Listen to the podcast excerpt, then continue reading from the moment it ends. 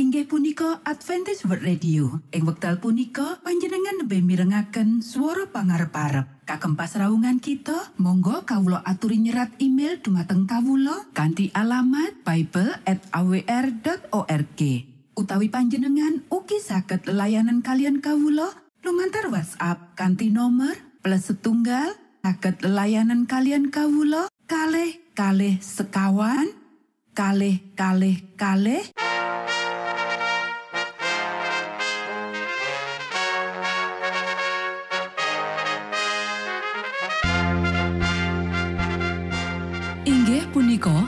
Adventist World Radio ingkang giaran kanti basa Jawi. Tentrem Rahayu kula aturaken kagem para mitra kinasih ing pundi papan lan panggonan. Sugeng pepanggian malih kalian Adventist World Radio.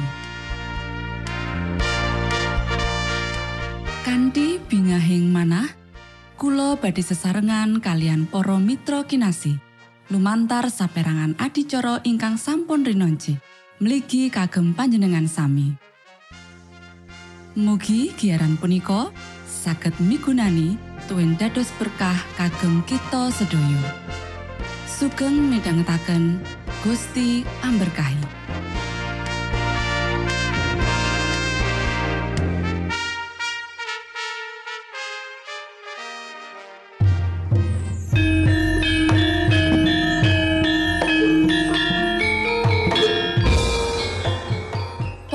Para pamirsa kinasih ing Gusti Yesus Kristus. Ing wekdal punika kita badhe sesarengan ing adicara ruang kesehatan.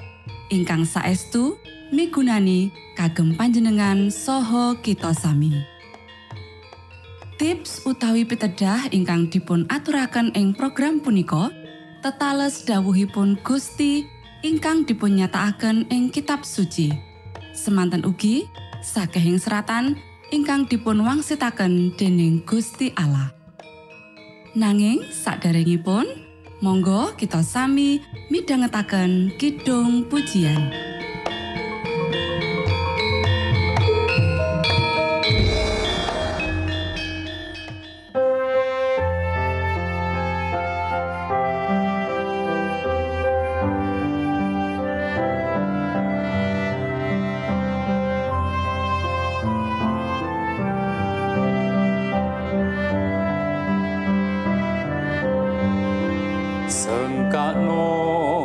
Gusti pranyata tumrap kang wis meh mati lan tumrap kang ngelak samyo kapringan tirta sakti.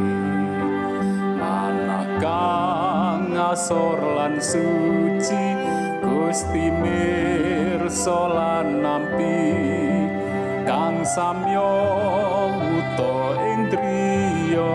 antuk pandulu mukti sengkakno asmeng pamarto ing ajeng ing projalmi sinupre mratobat samyo dados wargane Gusti. Sengkakno Gusti pranyata juru wilujeng jalmi mreh Gusti kapinanggih tumrap ingkang matosi kata tiang sekeng sami ngupati mreh basuki. Kanging sami marep mring Gusti sengkakno asmeng pamarto ing ajeng ing projalmi. Sinupre mratopat samyo dados wargane Gusti. Sengkakno lan winartano putreng Allah kang suci Gusti panebus manungsa tan wonten kang ngandingi. Sampun rujatu sojalmi dekorban nyokang ati saoso puji gustinyo juru wilujeng jati. Sengkakno asmeng pamarto ing ajenging projalmi sinupre mratobat samyo dados wargane Gusti. Sengkakno lan winartano putreng Allah kang suci Gusti panebus manungso tan wonten kang ngandini sampun rujatu sojalmi dikurban yo kang ati saoso puji Gustinyo juru wilujeng jati. Sengkakno asmeng pamarto ing ajenging projalmi sinupre mratobat samyo dados wargane Gusti.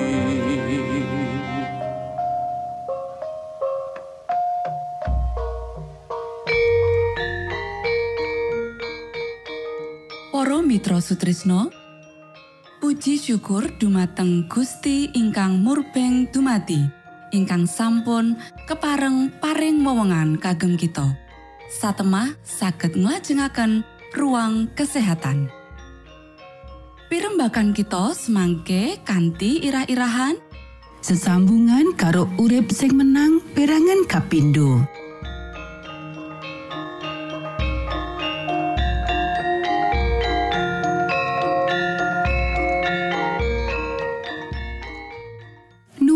Dumateng para pamirsa ingkang dahat kinurmatan.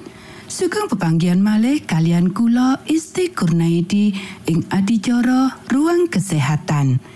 Ing dinten punika kanthi irah-irahan sesambungan karo urip sing menang perangan kapindo. Para sedherek ingkang kinasih, leluhur kita kelangan patamanan Eden amarga pemanjaan selera. Lan siji-sijine pangarep-arep kita antuk patamanan Eden maneh ya iku lumantar panyingkuran selera lan nepsu kanthi cara kang teguh. Tarak sakjroning bab cara mangan lan panguasaan kabeh nepsu bakal ngayomi intelek lan menehi kekuatan mental lan moral. Nyanggupake menungso nguasani kabeh sifat-sifate lan betakake sing bener saka sing salah. Sing suci saka sing lumrah. Kabeh wong sing bener-bener ngrasakake pangorbanan Sang Kristus ing wektu ninggalake kratone ing swarga lan rawuh menyang donya kanggo nglawan panggoda bakal kanthi senenging ati nyingkur diri lan milih sengsara bareng Sang Kristus. Sang Kristus nuduhake sakjroning gesange kepiye carane manungsa ngalahake pancoban. Wedi asih marang Gusti ya iku wiwitane kabeh hikmat. Wong-wong sing menang kaya dene Sang Kristus wis menang bakal tansah njaga diri kanggo nglawan panggodane setan. Selera lan nepsu kudu diwatesi selaras karo suarane ati nurani supaya intelek ora nyimpang. Kuasa pemikiran cetha nganti pakaryan setan lan cirete ora disalahpahami dadi samu barang sing asale saka Gusti Allah. Akeh wong sing menginake kamenangan lan upah pungkasan sing bakal diparingake marang pamenang nanging ora suti makarya mempeng nyingkur diri kaya sang penebus. Mung lumantar panurutan lan budidaya sing ora ana pedote, kita bakal menang kaya dene Sang Kristus wis menang. Kanthi ngendhaleni kuasa selera, ewonan wong ora bakal rusak. Amarga menawa dheweke menang sakjroning bab iki, dheweke bakal duweni kuasa moral ngalahake saben pancobaning setan. Nanging, wong-wong sing dadi abdine selera bakal gagal sakjroning panyempurnaan tabiat Kristen. panerake manungsa sing terus-terusan sak suwene 6000 taun wis nggawa leloro, rasa loro, pepati lan kabeh akibate. Sawetara kita bakal luwih kuwasa lan luwih angel kanggo dikalahake. Para sederek, wong-wong sing mengini pepadanging Gusti Allah ngenani reformasi kesehatan duweni sawijining pitulungan wektu nyucikake diri lumantar kabeneran. Dheweke pantes entuk kelanggengan. Para sederek ingkang kinasih, manungsa sing urip sakturning banjir pandang, mangan daging kewan lan maremake nepsu nganti tuwung piolo kebak, saingga Gusti Allah ngresiki bumi iki saka pancemaran moral nganggo banjir bandang. Wiwit tumipane manungsa, dosa ngombro-ombro. Sawetara isih ana sing tetep setya marang Gusti Allah. Akeh-akeh saka wong-wong mau wis ngregeti panguripane ing ngarsaning Gusti Allah. Pamusnane Sodom lan Gomora disebabake dening pialane pandununge.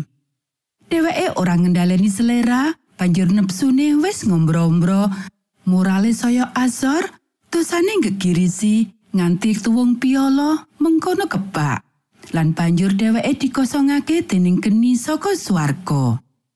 Dosa sing padha katon ing jaman kita saingga pependuning Gusti Allah disuntakake menyang donya iki kaya ing jaman Nuh. Saiki iki pria lan wanita ngowahi cara mangan lan ngombe marang kamurkan lan kemabuan. Dosa sing ngombro-ombro, pemanjaan selera sing salah, wis ngobong nepsu pria-pria ing jaman Nuh nganti dumadine kamrosotan moral nganti piolo lan atose munggah menyang swarga lan Gusti Allah nyojake bumi iki saka pancemaran moral dening banjir bandang. Dosa kamurkan lan kemabuan nglempohake kepekaan moral penduduk Sodom nganti piolo iku katone dadi kesenengan pria lan wanita ing kutha maksiat iku. Sang Kristus maringi amaran marang donya. uga kaya kang kalakon nalika jamane Lut. Wong-wong padha mangan lan ngombe, padha dol tinuku, padha nenandur lan padha yeyoso. Nanging ing dina lungane Lut metu saka ing kutha Sodom, banjur ana utan geni lan utan walirang saka ing langit kang numpes wong kabeh. Iya kaya mangkono besok ing dina ngatingale putraning menungso. Matur nuwun, Gusti amberkahi.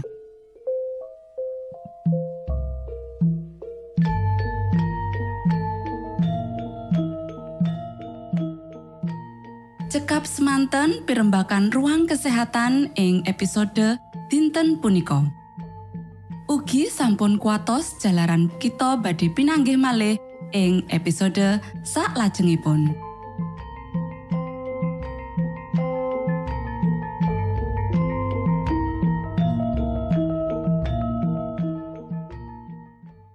punika adicara ruang kesehatan.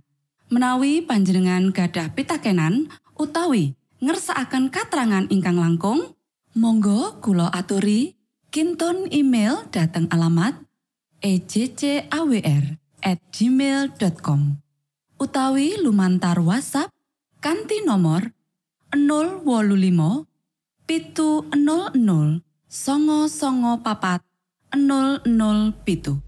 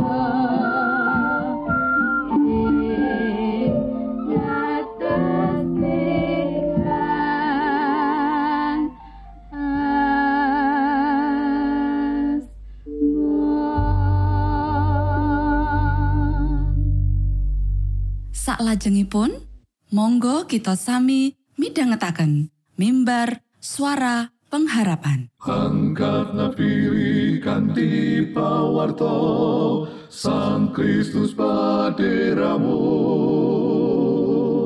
Pro umat samyo puji asmanyo Sang Kristus paderamu.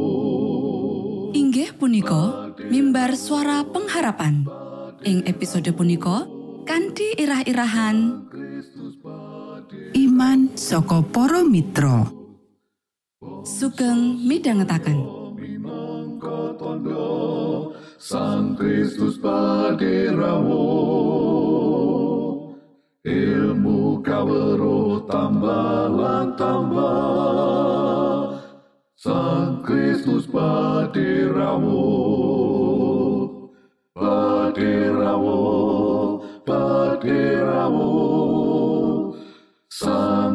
Kristus paderamu Shalom para pamirsa ingkang kinasih wonten ing Gusti. Sakmenika kita badhe mitangetaken renungan Sabda pangantikanipun Gusti. Ing dinten punika kanthi irah-irahan iman saka para mitra. Para sedherek ingkang kinasih, ana cerita kang ngirami-ramake saka kitab Injil bab apa kang dilakoni saperangan wong mbok menawa mitrane kanggo nggawa wong kang butuhake marang Gusti Yesus. Kita bisa nyinau saka apa kang kedadean sakjroning cerita iki yaiku bab pambudidayane kang bisa wae dilakoni kanggo nglateni wong-wong kang butuhake. Ayo diwaca kitab Injil Lukas pasal 5 ayat pitulas nganti 16. Ing sawijining dina nalika Gusti Yesus pinuju memulang, ana wong Farisi lan ahli Toret sawetara kang padha lungguh ngrungokake. Iku padha teka saka ing desa-desa ing tanah Galilea lan Yudea sarta saka ing kutha Yerusalem. Kuasaning pangeran ana ing panjenengane mula saged paring kawarasan marang wong loro. Banjur ana wong sawetara kang teka ngusung wong lumpuh ana ing paturane iku padha mbudidaya bisane mlebu nyuwanake marang ing ngarsane Gusti Yesus. Sahrene ora bisa nggawa mlebu marga saka akeh wong kang ana ing kono banjur padha munggah ing payon. Nuli buka payon iku lan wong kang loro diutunake sapaturane menyang ing satengah wong akeh pas ana ing ngarsane Gusti Yesus. Gusti Yesus bareng mirsa pangandele wong-wong mau tumuli ngandika. Hei sedulur, dosamu wis kaapura. Nanging para ahli Toret lan para wong Farisi padha mikir sajroning ati. Sapa to wong iki dene nyenyamah marang Allah mangkono? Sapa sing bisa ngapura dosa kajaba Gusti Allah piyambak? Nanging Gusti Yesus nguningani pikirane wong-wong mau, mulane banjur ngendika. Apa sing padha kok pikir ing sakjroning atimu? Gampang endi dawuh, dosamu wis kaapura karo dawuh, ngateka lumaku Nanging supaya kowe padha ngerti yen putraning manungsa iku kuasa ngapura dosa ana ing bumi, banjur ngendika marang kang lumpuh iku. Dawuhku marang kowe, ngateka paturanmu angkaten lan mulia.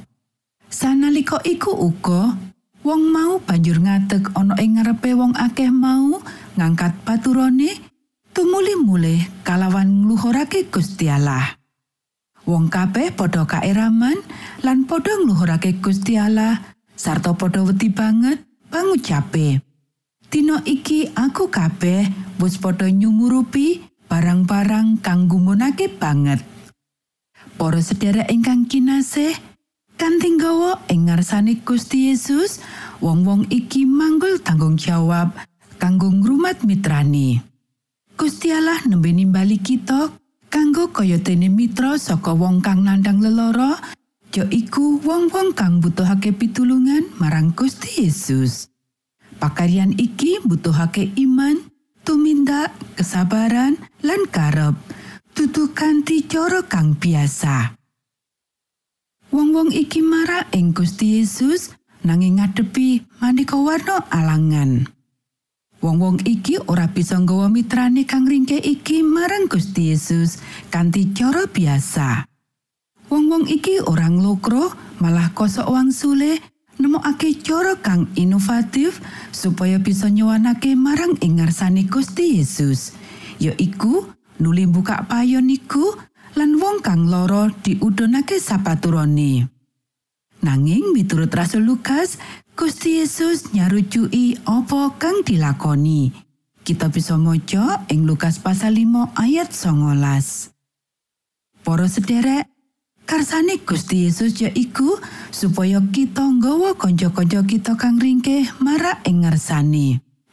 Kitab suci nggambarake Gusti Yesus minangka tabib agung kang ngersakake ngapura lan paring kasarasan marang wong kang nandang kasangsaran tanpa nyawang wong sapa wae.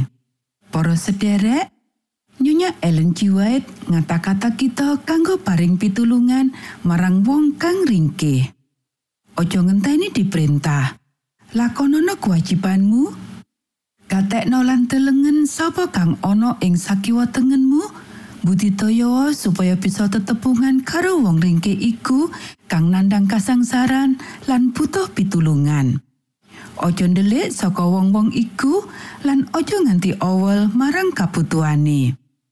Sapa wonge kang bisa menehi bukti apa kang sinebut dening Rasul Yakobus yaiku wong kang ngaku duweni ukuman kang murni kang ora diregeti dening rasa tresno diri utawa ora korup Sapa wae kang nyoto-nyoto gelem nglakoni kanthi sakabehane kanggo melu jroning rancangan keselamatan? Para sederek, Gusti Yesus piyambak nedahake piye paring pitulungan marang wong kang ringkeh lan nimbali kita kanggo nglakoni babagan kang padha. Kapisan kita dadi mitrane, banjur kita nyinau bab kabutuhane sadulur iki. Lan pungkasane kita nuntun marak ing ngarsane Gusti Yesus siji-sijine pribadi kang bisa mitulungi. Iki kang dilakokake dening wong-wong kang ana ing cerita iki. Kita kudu nglakoni bab kang padha ing sakjroning kahanan apa wae kang kita temoni. Biyantu wong kanggo dituntun marang panjenengane siji-sijine kang bisa nyelametake dheweke, ya iku Gusti Yesus. Matur nuwun, Gusti amberkahi.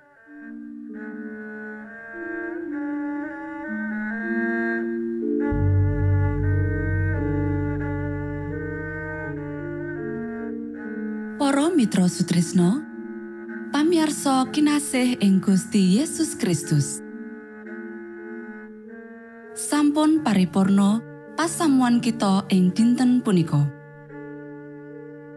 Menawi panjenengan gadah pitakenan utawi ngersaakan seri pelajaran Alkitab suara nubuatan Monggo Kulo aturi kinton email dateng alamat ejcawr@ gmail.com utawi lumantar WhatsApp kanti nomor 025 pitu 00 songo songo papat 00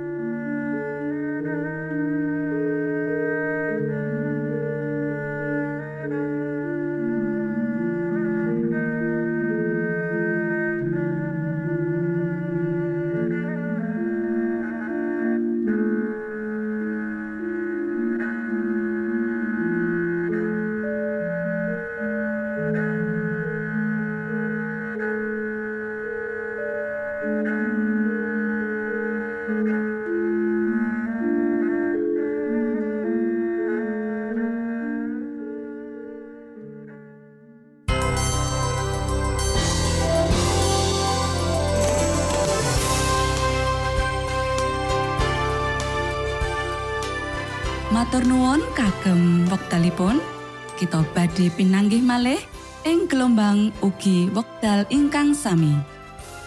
Saking studio kula ngaturaken tentrem rahayu. Gusti amberkahi kita sedaya. Maranata.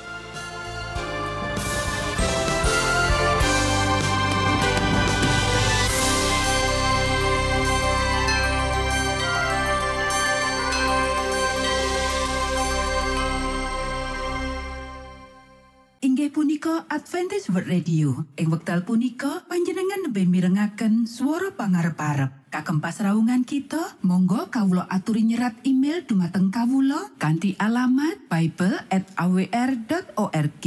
Utawi panjenengan ugi saged layanan kalian kawula lumantar WhatsApp kanthi nomor plus setunggal saged layanan kalian kawula kalih kalih sekawan kalih kalih kalih